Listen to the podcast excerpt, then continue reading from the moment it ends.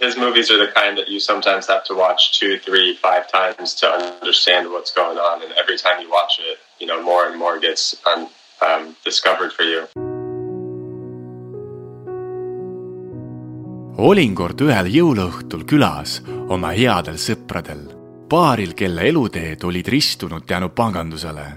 peremees oli tuntud Eesti majandusteadlane, perenaine ühe Eesti suurima panga juhatuse liige. Tol õhtul võõrustasid nad külalisi. kokku oli meid umbes kakskümmend inimest. kõigepealt sõime õhtust seejärel kuulasime kaamerlikku jõulukontserti, misjärel jäime pisut väiksema seltskonnaga õdusalt istuma ja rääkima väikest viisi kõigest.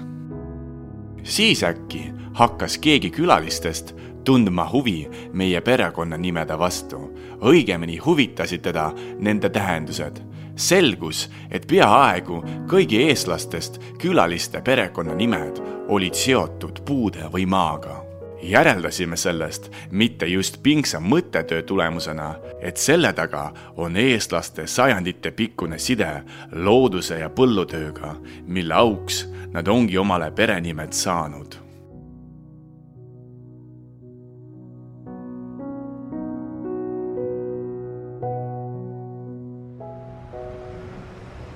Oma esimese korteri ostsin ma Lasnamäele ja mitte sellele Lasnamäele, millest laulab linnaosa valitsus, kus on ilusad uusehitised ja hoolitsetud pargid, vaid nõukogudeaegseid paneelelamuid täis pikitud Lasnamäele, kus elanikud pargivad oma autosid üksteise otsa. Tallinna suurima linnaosa rohkete miinuste kõrval oli üks suur pluss, taristu.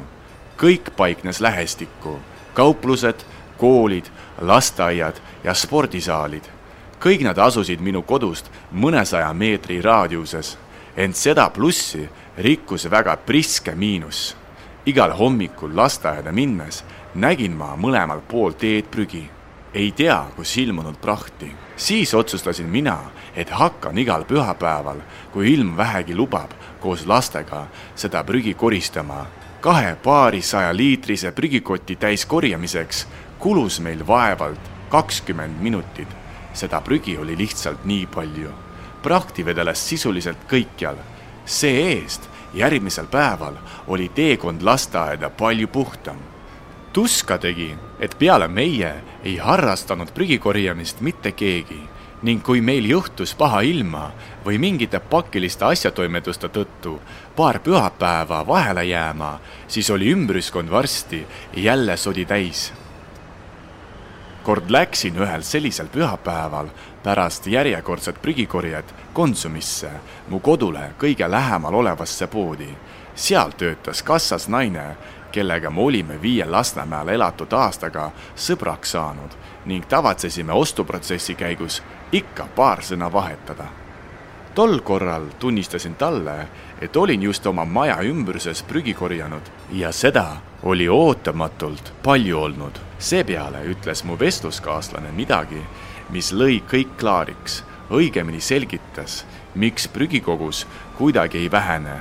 ta ütles, tõesti, tohoh, kas mitte kojamehed ei peaks koristama? siis jõudis mulle kohale. tõenäoliselt arvab enamik Lasnamäe elanikke, et on olemas mingid müütilised, võimalik, et isegi reaalsed kojamehed, kes süstemaatiliselt iga maja ümbruse prügist puhtaks teevad ning seetõttu arvavad nad, et neil oleks moraalne õigus kõike mittevajalikku käest ja taskustest maha pillata lasnamäelaste põhjatu ükskõiksuse teadvustamine sai üheks peamiseks põhjuseks, miks ma otsustasin sealt ära kolida. ei tahtnud, et mul lapsed näeksid päevast päeva täis lagastatud jäätmaad. pealegi tahtsin teoks teha ka oma lapsepõlve unistuse, elada kesklinnas ja nõnda siis mõningate jõupingutuste tulemusel koliski meie pere Lasnamäelt ära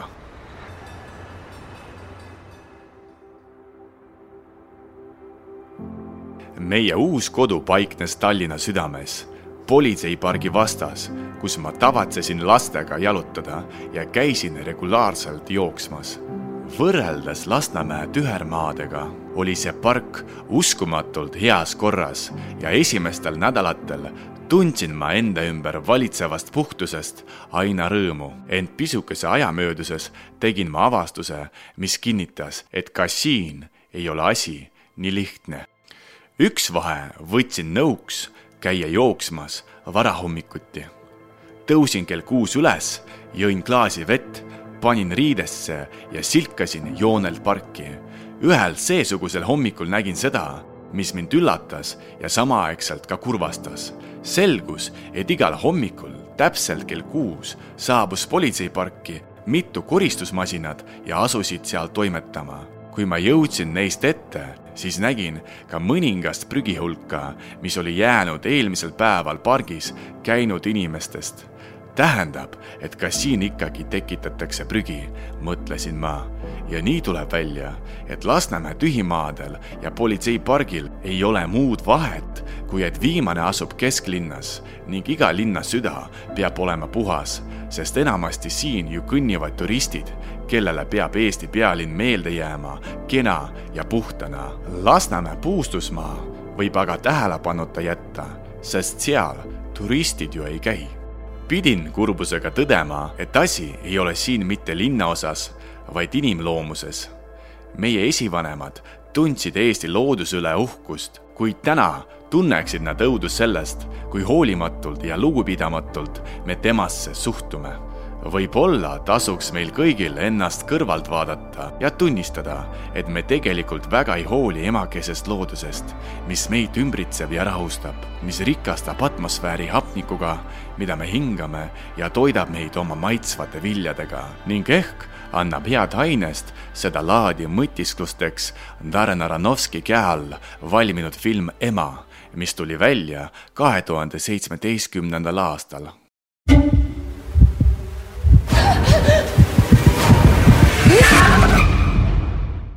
Darren Aronovskist kuulsin ma esimest korda oma sõbralt ameeriklaselt Irvinilt. Irvin on sündinud linnas, millest paljud meist on tänu Ameerika filmidele kuulnud juba lapsepõlvest. Inglite linnas ehk Los Angeleses. tema vanemad emigreerisid Eestist kohe, kui Nõukogude Liit lagunes ning suutsid tagada oma pojale USA-s väärika elu. Nad elasid elitaarses piirkonnas Beverly Hillsis, kus nende naabriteks olid kuulsad muusikud, sportlased ja näitlejad ja nende kuulsuste lapsed olid Irvini koolikaaslased hiljem õppis ta Berkeley ülikoolis, kuhu sissesaamine eeldab tõesti väljapaistvaid ajusid ning seal ta õppis neuroloogiat. just Irvin tutvustas mulle Darren Aronovski loomingut ning avas mulle tema filmide sügavuse ja alltekste. Guy, hello. Abasi. How, how are you? Good? What's going on, man? Do you miss Estonia? always. It's it's surprisingly one of my favorite places, and um, miss it every time I leave. And I, I hope to be there soon. With the virus, it's kind of hard to travel right now, but I hope to come again this summer. Okay. Remember, I wanted to talk about about the movie world right now because yeah, I'm just uh, wrote uh, writing a podcast about um, Darren Aronofsky and his movies uh-huh. and uh, and uh, yeah, his movie uh, Mother actually. Yeah, I mean his his movies are the kind that you sometimes have to watch two, three, five times to understand what's going on, and every time you watch it, you know more and more gets un, um, discovered for you. You leave feeling like you went through a journey when you finish the movies, you know. laiem publik teab Darren Aronovskit ennekõike tänu filmile Requiem unistusele Jared Letoga peaosas. selle filmi edu andis hoo sisse nii režissööri kui ka peaosa täitja karjäärile muide, Jared Leto käis koos oma bändiga Thirty Seconds to Mars kahe tuhande üheteistkümnendal aastal Eestis. ja vaat, mida ta räägib Darren Aronovskist. I remember we knew that like there was this young genius in town, Darren Aronofsky. He had made a movie called Pi. Yeah, Requiem for a Dream was it's a big one for me uh, personally, and you know made such a big impact on my life and my. Filmi Ema maailma esilinastus toimus kahe tuhande seitsmeteistkümnenda aasta septembris. peaosades mängisid ameeriklanna Jennifer Lawrence ja hispaanlane Javier Bardem. film Ema on allegooria režissööri katse näitlikult demonstreerida, kui hoogsalt hävitab inimene oma koduplaneeti Maa We spend all our time here. I want to make a paradise. She redid all of it, every last detail. And she breathed life back into every room. Are you happy? I love you. nimetatud filmi kontekstis sümboliseerib ema, keda kehastab Jennifer Lawrence, meie koduplaneeti. peategelase armastatu ehk tema, Javier Bardemi tegelane, sümboliseerib loojat ehk Jumalat. maja, kus filmi tegevustik leiab aset, tähistab omakorda paradiisiaeda või laiemas mõttes loodust kogu filmi jooksul külastavad seda maja üsna uued inimesed, kelle kombed jätavad soovida ning kes suhtuvad pererahvasse üsna olevalt, ajades sellega ema vihaseks. Please, come in. Hello. Hello. He's a stranger. We're just gonna let him sleep in our house. Sellest hoolimata usub looja jätkuvalt inimese helgesse loomusesse ja püüab oma külalistele igati meele järele olla, misläbi kannatavad tema suhted kallimaga. He has pictures of you in his luggage.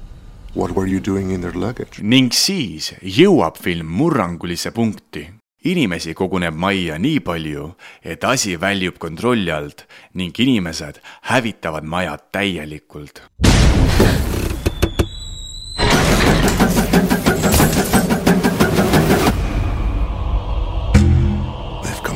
See me. Come quick! You're insane! You're insane! All I'm trying to do is bring life into this house. Open the door to new people, new ideas. I'm so sorry. Get out of my house! You give and you give and you give. It's just never enough.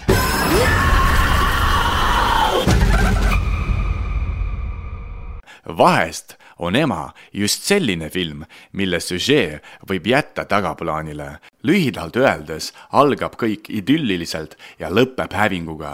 ent see, kuidas see kõik toimub, väärib erilist tähelepanu ma ei saanud kogu filmi vältel lahti mõttest, et kohe-kohe saab see läbi. inimesed lahkuvad peategelaste kodust ja kõik lõpeb hästi, kuid nad ei lahkunud ja isegi kui tegid seda, siis ainult mõneks ajaks ja tulid peagi tagasi juba koos uute külalistega.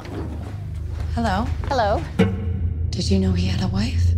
Darren Aronovski on väga osavalt pinget tõstnud ja järele andnud. see nagu sõidaks Ameerika mägedel, kord kukud sügavikku, siis jälle liugled sujuvalt üles. filmi Ema puhul pole mõtet rääkida hea kassa tegemisest või auhindadest. see film on muust, meie suhtumisest meid ümbritsevasse loodusesse ja võib-olla seetõttu ei räägiks ma edasi mitte filmist endast, kuivõrd mõttekäigust, mis sündis mul selle linateose nägemise mõjul huvitav, et tegelaste filmis ilmumise järjestus viitab otseselt esimesele Moosesse raamatule. peategelaste majja saabub esimesena mees ehk Aadam, tema järel tuleb naine ehk Eeva ning seejärel tulevad kaks venda, kes sümboliseerivad Kaini ja Aabelit. filmis purunev kraanikauss on veeuputuse võrdkuju teades kas või juba seda, ei ole teil raske ära tunda ka teisi viiteid piiblilugudele.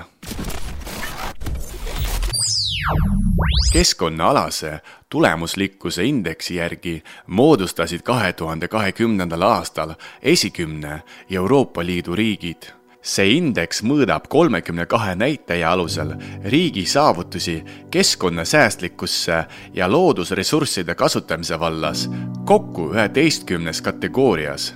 siin võetakse arvesse niisuguseid näitajaid nagu õhu ja vee puhtus, vee kvaliteet, süsihappegaasi sisaldus atmosfääris. Eesti paikneb selles pingereas kolmekümnendal kohal, ehkki kõigest neli aastat tagasi oli ta kaheksandal järelikult midagi on muutunud. paljud turistid teavad Eestit tänu sinisele maalilisele loodusele ja piiritutele metsadele. metsarohkuse poolest on viiekümne ühe protsendi ulatuses metsadega kaetud Eesti, Soome, Rootsi ja Sloveenia järel neljandal kohal. Tänu suurele puude arvule on Eestil lubatud raiuda umbes kolmteist tuhat hektarit metsa aastas, millest suurem osa müüakse naaberriikidesse. riigimetsa majandamise keskus lubab maha võetud metsade asemele uusi istutada ent puul kulub suureks kasvamiseks vähemalt seitsekümmend aastat. seda juhul, kui meie räägime kõrgusse kasvamiseks. Tema maharaiumiseks kulub seevastu kõigest mõni minut. tuleb välja, et koos maha võetud metsaga kaob ka terve ökosüsteem, mis on koduks paljudele loomadele, putukatele ja taimedele paljud kogenud metsnikud räägivad, et see, kuidas tänapäeval uusi puid istutatakse, ei kõlba kuskile ja et need ei sirgu väärtuslikuks metsaks. Muuseas annan juhust kasutades teada, et Levilal on välja tulnud terve saatesari, kus käsitletakse Eesti metsa, lageraiete ja metsakasvatuse probleeme ma ei tea, mis täpselt mõjutas seda, et Eesti langes kaheksandalt kohalt kolmekümnendale, kuid ma näen iga päev inimeste hoolimatut suhtumist loodusesse enda ümber. ma näen iga jumala päev autojuhte aknast konisid välja viskamas näen, kuidas neid samu konisid saadavad sõrmenipsuga lendu ühistranspordipeatuses ootajad. näen, kuidas sirguv noorsugu viskab tühje plastpudeleid või krõpsupakke väljakutsuvalt maha, ehkki prügikast on neist vaid paari meetri kaugusel. näen, kuidas mõne linnast välja viiva tee äärde tekivad omaalgatuslikud prügimäed. kõike seda vaadates saab selgeks järgmine see, kuidas igaüks meist suhtub loodusesse, ei alga mitte riigist ja isegi mitte koolist, vaid ikka perekonnast. ja kui mõnes peres on prügi mahaviskamine tavaline asi, siis külvab niisugune suhtumine ükskõiksust ka teiste ühiskonna jaoks oluliste küsimuste vastu. on ju mis tahes probleemi lihtsaim lahendus selle eiramine üks budamunk on öelnud mulle sügavalt hinge läinud lause, et kurjus saaks võidutseda, piisab vaid sellest, et me oleksime sellele ükskõiksed. võib öelda ka teisiti, millegi halba tegemiseks ei pea pingutama, see juhtub iseenesest, kuid selleks, et sünniks midagi head, tuleb üksjagu vaeva näha see puudutab nii meie suhtumist loodusesse kui ka meie laste kasvatamist. ma tunnen uhkust selle üle, et mu kolmeaastane tütar osutab alati nördinult prügile, mida juhtub läheduses märkama ning olen aru saanud, et ta on selle minult üle võtnud tahan oma jutu lõpetada looga, mille rääkis mulle mu Venemaal elav sõber pärast seda, kui külastas esimest korda Soomet. Venemaal on keskkonnateadlikkusega lood palju kehvemad kui meil. nimetatud edetabelis on ta alles saja kolmekümne teisel kohal. niisiis, saabudes Helsingisse, nägi see mu sõber, kuidas ühe autojuht viskas aknast suitsukoni välja. seejärel kargas teisest autost juht välja mu sõber arvas, et nüüd läheb löömaks, aga ei, teine juht ei hakanud esimesele turja kargama. ta lihtsalt astus ligi ja korjas koni üles ning viskas seejärel prügikasti. mu vene sõber oli nähtust nii vapustatud, et tollest päevast peale ei visanud ta enam kunagi prahti maha olen kindel, et see lugu on õpetlik mitte ainult Venemaa kodanikele, vaid meile kõigile Darren Aronovski ei vändanud mitte lihtsalt järjekordset filmi. oma linateosega tahtis ta välja öelda oma seisukoha. ta tahtis, et võimalikult paljud inimesed hakkaksid märkama keskkonnaprobleeme ja seda, kui hävituslik võib olla igaüks meist uh,. She gives us all this love, she gives us a home, she gives us endless gifts uh,. Yet we treat her like shit and um, I wanted to talk about it nagu ma juba ennem ütlesin, mõnikord pole oluline mitte filmi loomise lugu, selle eelarve ega auhinnad, vaid see, missuguse maigu üks või teine film jätab ja mille üle meid mõtlema paneb.